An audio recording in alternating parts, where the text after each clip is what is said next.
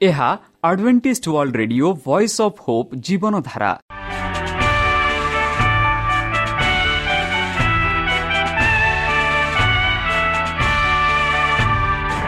Odia radio କାର୍ଯ୍ୟକ୍ରମ ଯାହା ଆମର ଆନ୍ତର୍ଜାତୀୟ ଆଘାତ କେନ୍ଦ୍ରରୁ ପ୍ରସାରଣ କରାଯାଉଛି ପ୍ରତିଦିନ ରାତି ନଅଟା ତିରିଶ ମିନିଟ୍ରେ। ମୁଁ ସୁବ୍ରତ କୁମାର ପତି ପ୍ରେମର ସହ ଆପଣମାନଙ୍କୁ ଏହି କାର୍ଯ୍ୟକ୍ରମକୁ ସ୍ୱାଗତ କରୁଅଛି। ଚାଲନ୍ତୁ ଆଜିର ତିରିଶ ମିନିଟ୍ର କାର୍ଯ୍ୟକ୍ରମ ବିଷୟରେ ଜାଣିନେବା। ପ୍ରଥମେ ରଖିଛୁ ଆଧ୍ୟାତ୍ମିକ ଭକ୍ତିମୟ ଗୀତ। ଏହାପରେ ଶୁଣିବା ସ୍ୱାସ୍ଥ୍ୟ ବିଷୟରେ ଯାହା ଆମର ଦୈନିକ ଜୀବନରେ ଅତ୍ୟନ୍ତ ଜରୁରୀ। ଆଉ ପରିଶେଷରେ ଶୁଣିବା ପରମେଶ୍ୱରଙ୍କ ଭକ୍ତଙ୍କଠାରୁ ଜୀବନଦାୟକ ଈଶ୍ୱରଙ୍କ ବାକ୍ୟ। ପ୍ରିୟ ଶ୍ରୋତା ତାହେଲେ ଚାଲନ୍ତୁ ଶୁଣିବା ଏକ ଆଧ୍ୟାତ୍ମିକ ଭକ୍ତିମୟ ଗୀତ।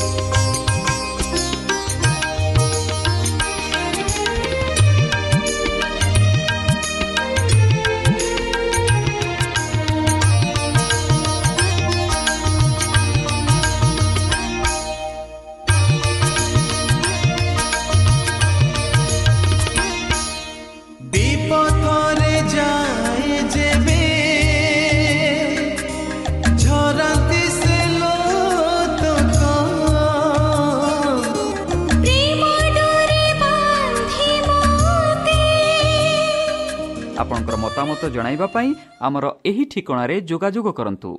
ଆମ ଠିକଣା Adventist Media Centre SDA Mission Compound Salisbury Park Pune ଚାରି ଏକ ଏକ ଶୂନ ତିନି ସାତ ମହାରାଷ୍ଟ୍ର।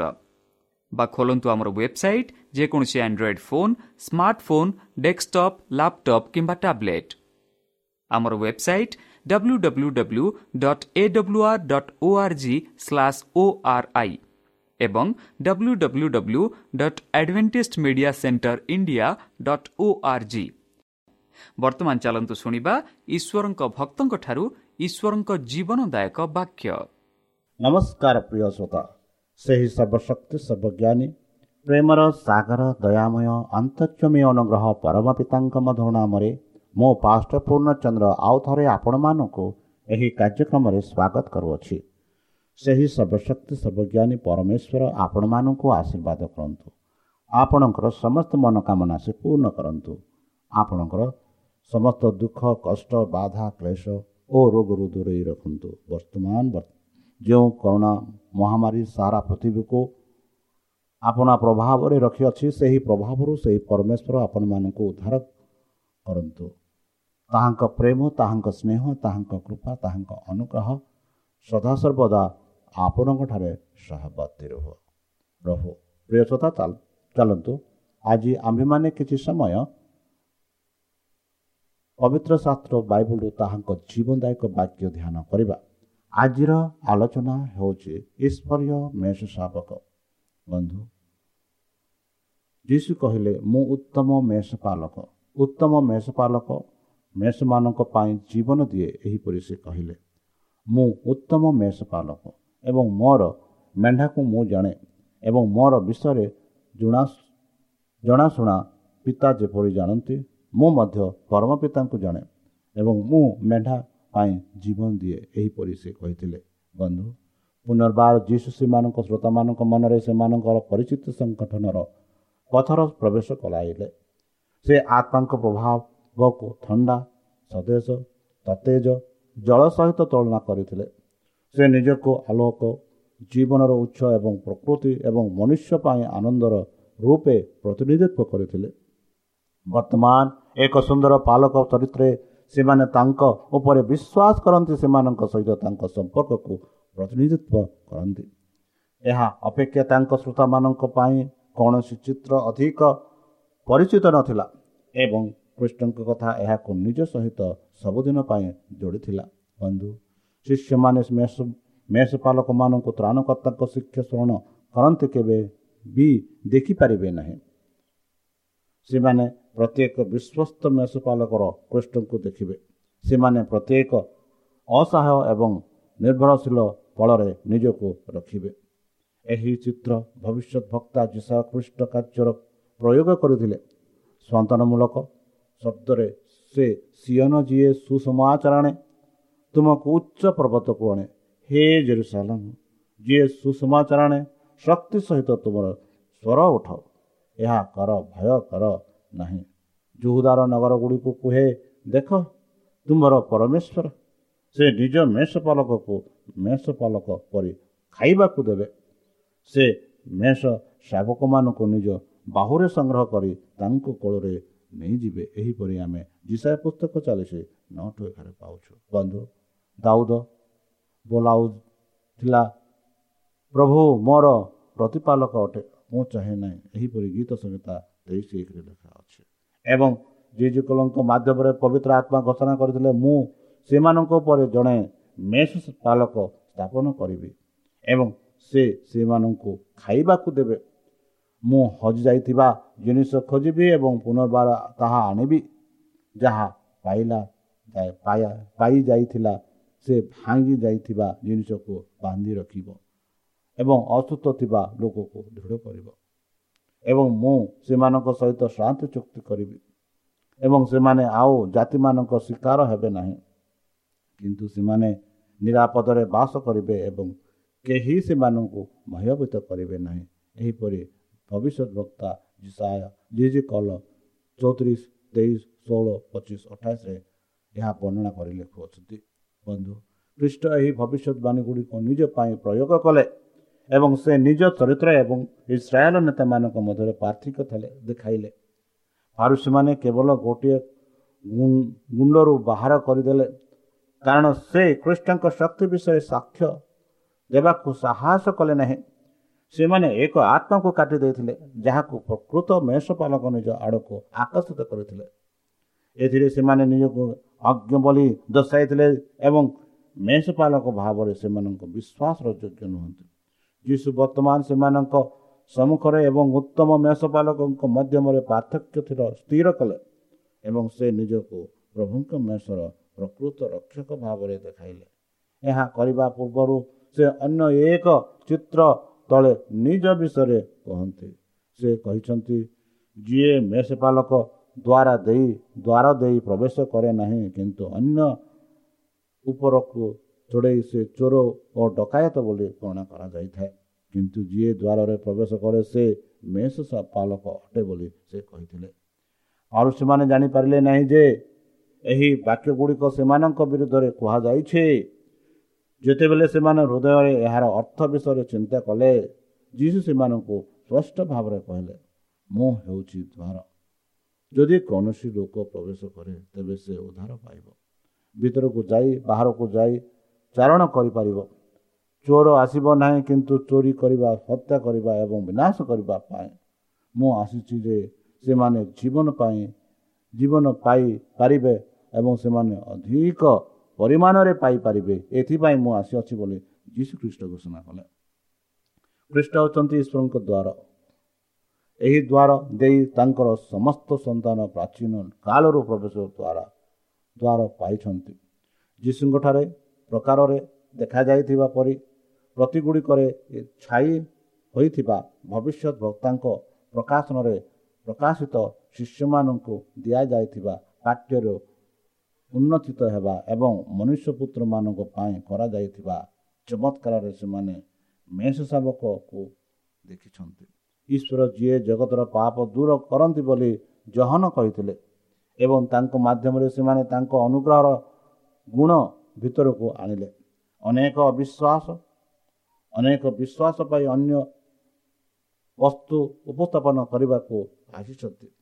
ସମାହାର ଏବଂ ପ୍ରାଚୀନ ଗୁଡ଼ିକ ପରିକଳ୍ପନା କରାଯିବା କରାଯାଇଛି ଯାହାଦ୍ୱାରା ଲୋକମାନେ ଈଶ୍ୱରଙ୍କ ସହିତ ଧାର୍ମିକତା ଏବଂ ଶାନ୍ତି ପାଇବାକୁ ଆଶା କରନ୍ତି ଏବଂ ଏହିପରି ଭାବରେ ତାଙ୍କ ଫଳରେ ପ୍ରବେଶ ଦ୍ୱାରା ପାଇବେ।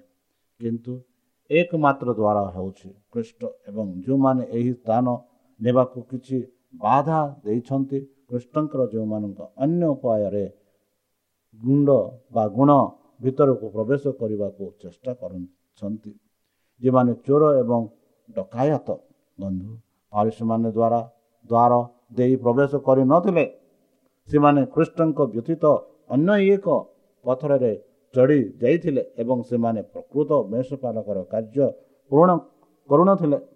ଯାଜକ ଶାସକ ଧର୍ମ ଧର୍ମଶାସ୍ତ୍ରୀ ଓ ପାରୁସୀମାନେ ଜୀବନ୍ତ ଚାରଣ ଭୂମି ନଷ୍ଟ କରୁଥିଲେ ଏବଂ ଜୀବନର ଜଳ କୂଅକୁ ଅସୁଚି ଅଶୁଚି କରୁଥିଲେ। ବିଶ୍ୱସ୍ତ ଭାବରେ ପୁରୁଣା ଶବ୍ଦ ସେହି ମିଥ୍ୟା ମେଷ ପାଲକମାନଙ୍କୁ ବର୍ଣ୍ଣନା କରେ। ରୋଗୀମାନେ ତୁମେ ଦୃଢ଼ ହୋଇନାହ କି? ଅସୁସ୍ଥ ଅସୁସ୍ଥ କରିନାହିଁ କିମ୍ବା ଭଙ୍ଗ ହୋଇଯାଇଥିବା ଜିନିଷକୁ ଭାଙ୍ଗି ନାହିଁ। କିମ୍ବା ଦଡ଼ି ଦିଆଯାଇଥିବା ଜିନିଷକୁ ପୁନର୍ବାର ଆଣିଯାଇ କିନ୍ତୁ ଆପଣ ଜଳ ଓ ନିଷ୍ଠୁରତାର ସହିତ ସେମାନଙ୍କୁ ଶାସନ କରିଛନ୍ତି ବୋଲି ଜିଜିକଲ ଚଉତିରିଶ ଚାରିରେ ବର୍ଣ୍ଣନା କରୁଅଛି। ବନ୍ଧୁ ସବୁ ଯୁଗରେ ଦାର୍ଶକ ଦାର୍ଶନିକ ଏବଂ ଶିକ୍ଷକମାନେ ବିଶ୍ୱ ଥିଓରିଟି ଗୁଡ଼ିକର ଉପସ୍ଥାପନ କରୁଛନ୍ତି ଯାହାଦ୍ୱାରା ପ୍ରାଣର ଆବଶ୍ୟକତା ପୂରଣ ହେବ। ପ୍ରତ୍ୟେକ ଜାତିସଂଘର ମହାନ ଶିକ୍ଷକ ଏବଂ ଧାର୍ମିକ ପ୍ରାଣ ଗୁଡ଼ିକ କୃଷ୍ଣଙ୍କ ବ୍ୟତୀତ ଅନ୍ୟ କିଛି ମୁକ୍ତିର ମାଧ୍ୟମ ପ୍ରଦାନ କରନ୍ତି। ମନୁଷ୍ୟର ଚକ୍ଷୁକୁ ପିତାଙ୍କ ସମ୍ମୁଖରୁ ଦୂରେଇ ରଖିଛନ୍ତି ଏବଂ ସେମାନଙ୍କ କେବଳ ଆଶୀର୍ବାଦ ଦେଇଥିବା ଭୟରେ ସେମାନଙ୍କ ହୃଦୟ ଭରି ଦେଇଛନ୍ତି। ବନ୍ଧୁ ସେମାନଙ୍କ କାର୍ଯ୍ୟଧାରା ହେଉଛି ଈଶ୍ୱରଙ୍କ ଯାହାଙ୍କର ନିଜର ତାହା ସୃଷ୍ଟି ଏବଂ ମୁକ୍ତି ଦ୍ୱାରା ଲୁଚିବା। ଏବଂ ଏହି ମିଥ୍ୟା ଶିକ୍ଷକମାନେ ମଧ୍ୟ ମନୁଷ୍ୟକୁ ଲୁଟ କରୁଛନ୍ତି। ଲକ୍ଷ ଲକ୍ଷ ମନୁଷ୍ୟ ମିଥ୍ୟା ଧର୍ମ ଅଧୀନରେ ବନ୍ଧା ଭୟରେ ବନ୍ଧନରେ ଚୋରି ଉଦାସୀନତା ଭାରସାମ୍ୟ ହରାଇ ପରିଶ୍ରମ କରିବା ଏଠାରେ ଆଶା କିମ୍ବା ଆନନ୍ଦ କିମ୍ବା ଆକାଂକ୍ଷା ହରାଇବା ଏବଂ କେବଳ ପରବର୍ତ୍ତୀ ଭୟ ସହିତ। ଏହା କେବଳ ଈଶ୍ୱରଙ୍କ ଅନୁଗ୍ରହର ସୁସମାଚାର ଯାହା ଆତ୍ମାକୁ ଉନ୍ନତ କରିବ। ତାଙ୍କ ପୁତ୍ରର ପ୍ରକାଶିତ ଈଶ୍ୱରଙ୍କ ପ୍ରେମର ଚିନ୍ତାଧାରା ହୃଦୟକୁ ଉତ୍ସାହିତ କରିବ ଏବଂ ଆତ୍ମାଙ୍କ ଶକ୍ତି ଜାଗ୍ରତ କରିବ ଯେପରି ଅନ୍ୟ କିଛି କରିପାରିବ ନାହିଁ। ଖ୍ରୀଷ୍ଟ ଆସିଲେ ଯେ ସେ ମନୁଷ୍ୟର ଈଶ୍ୱରଙ୍କ ପ୍ରତିମୂର୍ତ୍ତିକୁ ସୁନସୃଷ୍ଟି କରିବେ ଏବଂ ଯିଏ ମଣିଷମାନଙ୍କ ଖ୍ରୀଷ୍ଟଙ୍କ ଠାରେ ଦୂରେଇ ଦିଏ ସେ ସେମାନଙ୍କ ପ୍ରକୃତ ବିକାଶର ଉଚ୍ଚ ଦୂରରେ ଯାଏ। ସେ ଜୀବନର ଆଶା ଏବଂ ଉଦ୍ଦେଶ୍ୟ ଏବଂ ଗୌରବରୁ ସେମାନଙ୍କୁ ପ୍ରତାରଣା କରୁଛି। ସେ ଜଣେ ଚୋର ଏବଂ ଡକାୟତ। ଯିଏ ଦ୍ୱାରରେ ପ୍ରବେଶ କରେ ସେ ମେଷ ପାଲକ ଅଟେ। ପୃଷ୍ଠ ଉଭୟ ଦ୍ୱାର ଏବଂ ମେଷ ପାଲକ ସେ ନିଜେ ପ୍ରବେଶ କରନ୍ତି।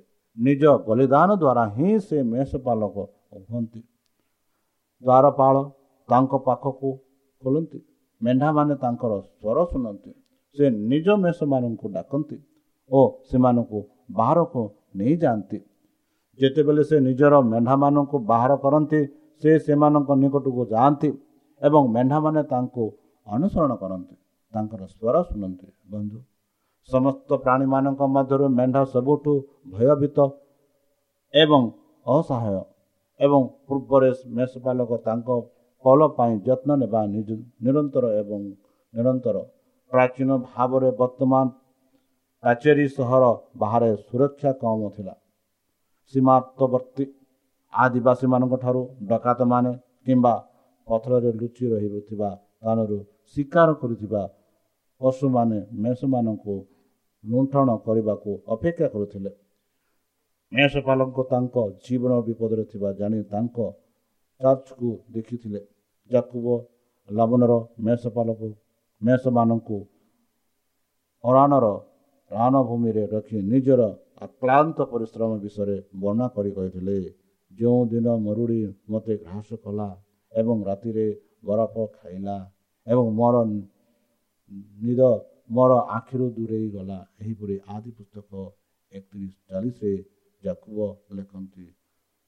ଏବଂ ପିତାଙ୍କ ମେଣ୍ଢା ଜଗିବା ସମୟରେ ବାଲକ ଦାଉଦ ଏକାକୀ ସିଂହ ଭାଲୁ ସାମନା କରି ଚୋରି ହାତରେ ମେଷ ଶାବକକୁ ସେମାନଙ୍କୁ ଦାନ୍ତରୁ ଉଦ୍ଧାର କଲେ ବନ୍ଧୁ ମେଷ ପାଲକ ନିଜ ପଲକକୁ ପଥୁରିଆ ପାହାଡ଼ ଉପରେ ଜଙ୍ଗଲ ଏବଂ ବୁନୁଆ ଉପତ୍ୟାକ୍ତା ଦେଇ ନଦୀ କୂଳର ଘାସ ନେଇଯାଆନ୍ତି ସେ ଏକାକୀ ରାତିରେ ପର୍ବତ ଉପରେ ସେମାନଙ୍କୁ ଦେଖୁଥିଲେ ଡକାୟତମାନଙ୍କ ଠାରୁ ରକ୍ଷା କରୁଥିଲେ ଅସୁସ୍ଥ ଏବଂ ଦୁର୍ବଳମାନଙ୍କ ପ୍ରତି କୋମଳ ମତି ଯତ୍ନ ନେଉଥିଲେ ତାଙ୍କ ଜୀବନ ସେମାନଙ୍କ ସହିତ ଏକ ହୋଇ ଆସୁଥିଲା।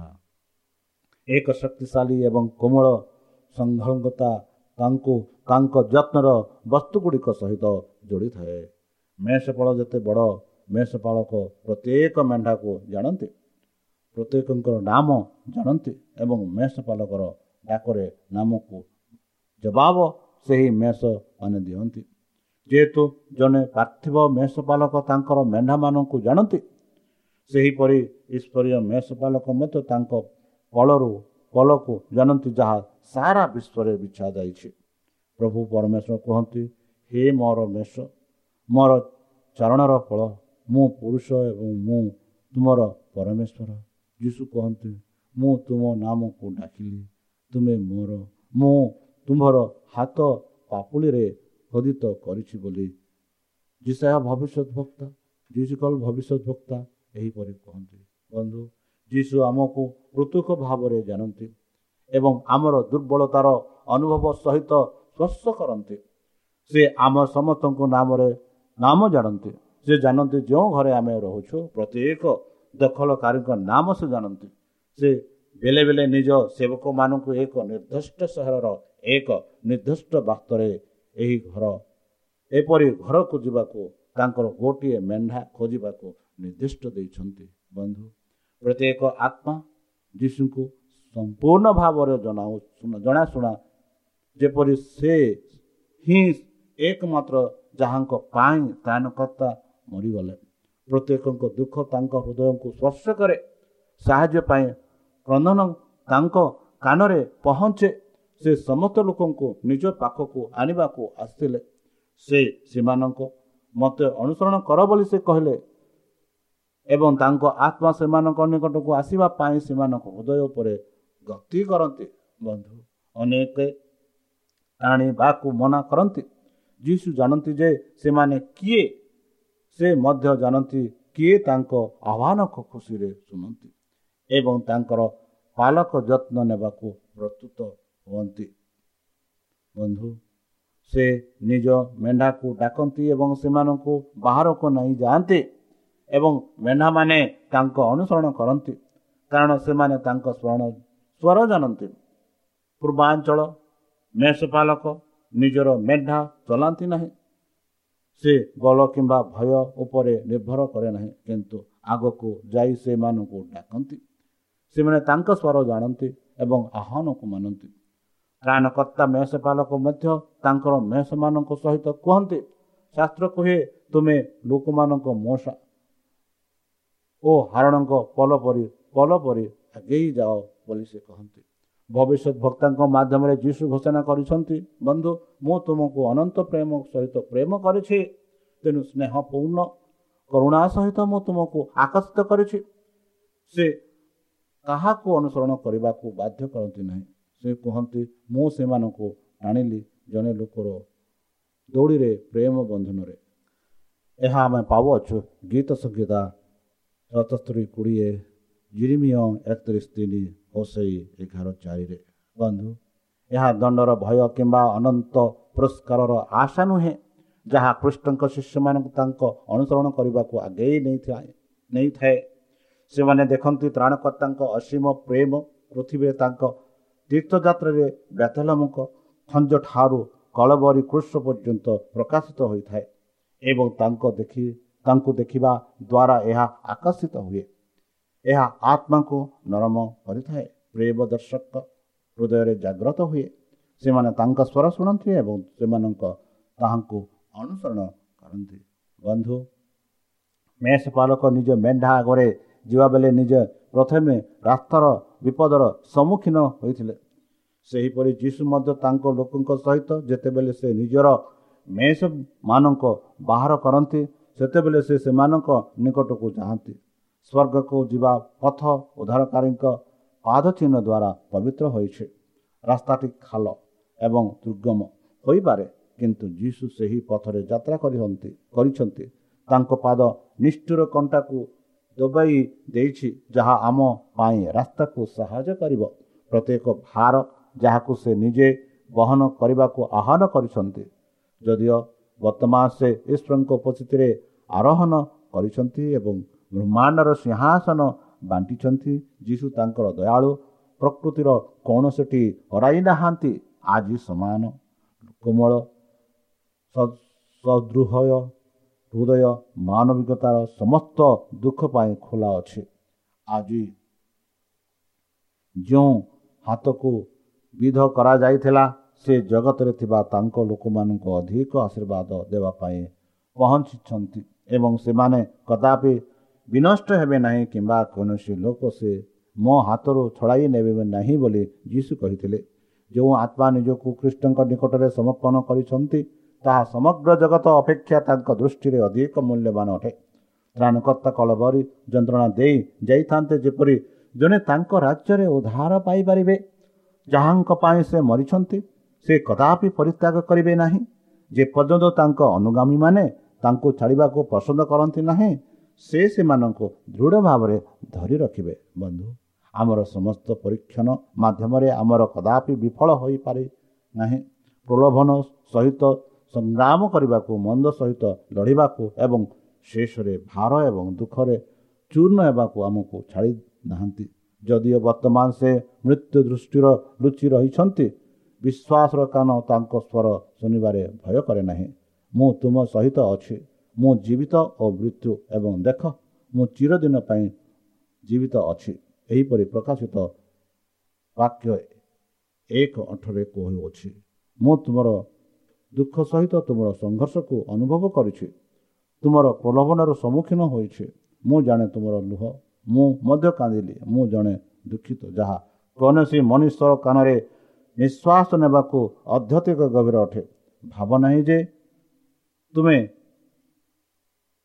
ନିଛାଟିଆ ଏବଂ ପରିତ୍ୟକ୍ତ ଯଦିଓ ତୁମର ଯନ୍ତ୍ରଣାର ପୃଥିବୀର କୌଣସି ହୃଦୟର କୌଣସି ପ୍ରତିକ୍ରିୟାଶୀଳ ଶବ୍ଦକୁ ସ୍ପର୍ଶ କରେ ନାହିଁ ମୋତେ ଦେଖ ଏବଂ ବଞ୍ଚ ବନ୍ଧୁ ସେହି ତ୍ରାଣକର୍ତ୍ତା ପରମେଶ୍ୱର ଆମମାନଙ୍କୁ ଏତେ ପ୍ରେମ କଲେ ଆଉ ତାହାଙ୍କ ପ୍ରେମ ଯୋଗୁଁ ଆମେ ଆଜି ଯାଇ ବଞ୍ଚିଅଛୁ ସେହି ନେସଫା ଶାବକ ବର୍ତ୍ତମାନ ଆମମାନଙ୍କୁ ଆହ୍ୱାନ କରୁଛନ୍ତି ଚାଲନ୍ତୁ ସେହି ଆହ୍ୱାନ ଶୁଣି ତାଙ୍କ ପଛେ ଆମେ ଚାଲିବା ଚାଲନ୍ତୁ ନିଜକୁ ସମର୍ପଣ କରି ତାହାଙ୍କ ମଧ୍ୟ ନାମରେ ଆମେ ପ୍ରାର୍ଥନା ଉତ୍ସର୍ଗ କରିବା ହେ ଆମ୍ଭମାନଙ୍କ ସର୍ବଶକ୍ତି ସର୍ବଜ୍ଞାନୀ ପ୍ରେମର ସାଗର ଦୟାମୟ ଅନ୍ତର୍ଜମୀ ଅନୁଗ୍ରହ ପିତା ଧନ୍ୟବାଦ ଅର୍ପଣ କରୁଛୁ ପ୍ରଭୁ ବର୍ତ୍ତମାନ ଯେଉଁ ବାକ୍ୟ ତୁମ ସେହି ଭକ୍ତଙ୍କ ଦ୍ୱାରା ଶୁଣାଇଲେ ସେହି ବାକ୍ୟ ଅନୁସାରେ ଆମମାନଙ୍କୁ ଚାଲିବା ପାଇଁ ବୁଦ୍ଧିରେ ଜ୍ଞାନରେ ଶକ୍ତିରେ ପରିପୂର୍ଣ୍ଣ କର।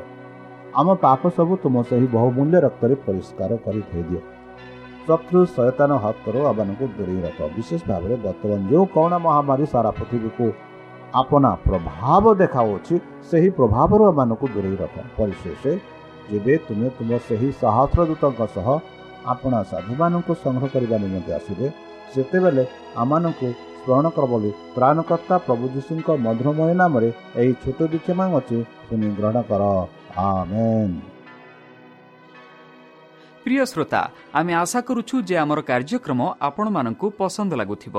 ଆପଣଙ୍କର ମତାମତ ଜଣାଇବା ପାଇଁ ଆମର ଏହି ଠିକଣାରେ ଯୋଗାଯୋଗ କରନ୍ତୁ ଆମ ଠିକଣା Adventist Media Centre SDA Mission Compound Salisbury Park Pune ଚାରି ଏକ ଏକ ଶୂନ ତିନି ସାତ ମହାରାଷ୍ଟ୍ର ବା ଖୋଲନ୍ତୁ ଆମର ୱେବସାଇଟ୍ ଯେକୌଣସି Android phone smartphone desktop laptop କିମ୍ବା ଟ୍ୟାବ୍ଲେଟ୍ ଆମର website W W W dot A W R dot O R G slash O R I ଏବଂ W W W dot Advantage Media Centre India dot O R G Advantage Media Centre ଇଣ୍ଡିଆର spelling ହେଉଛି A D V E N T I S T M E D I A C E N T R E I N D I A ଅଥବା download କରନ୍ତୁ ଆମର mobile app ଆପଣଙ୍କର mobile play ଷ୍ଟୋରକୁ ଯାଆନ୍ତୁ ଆଉ type କରନ୍ତୁ the voice of Hope ଆଉ download କରନ୍ତୁ ଈଶ୍ୱର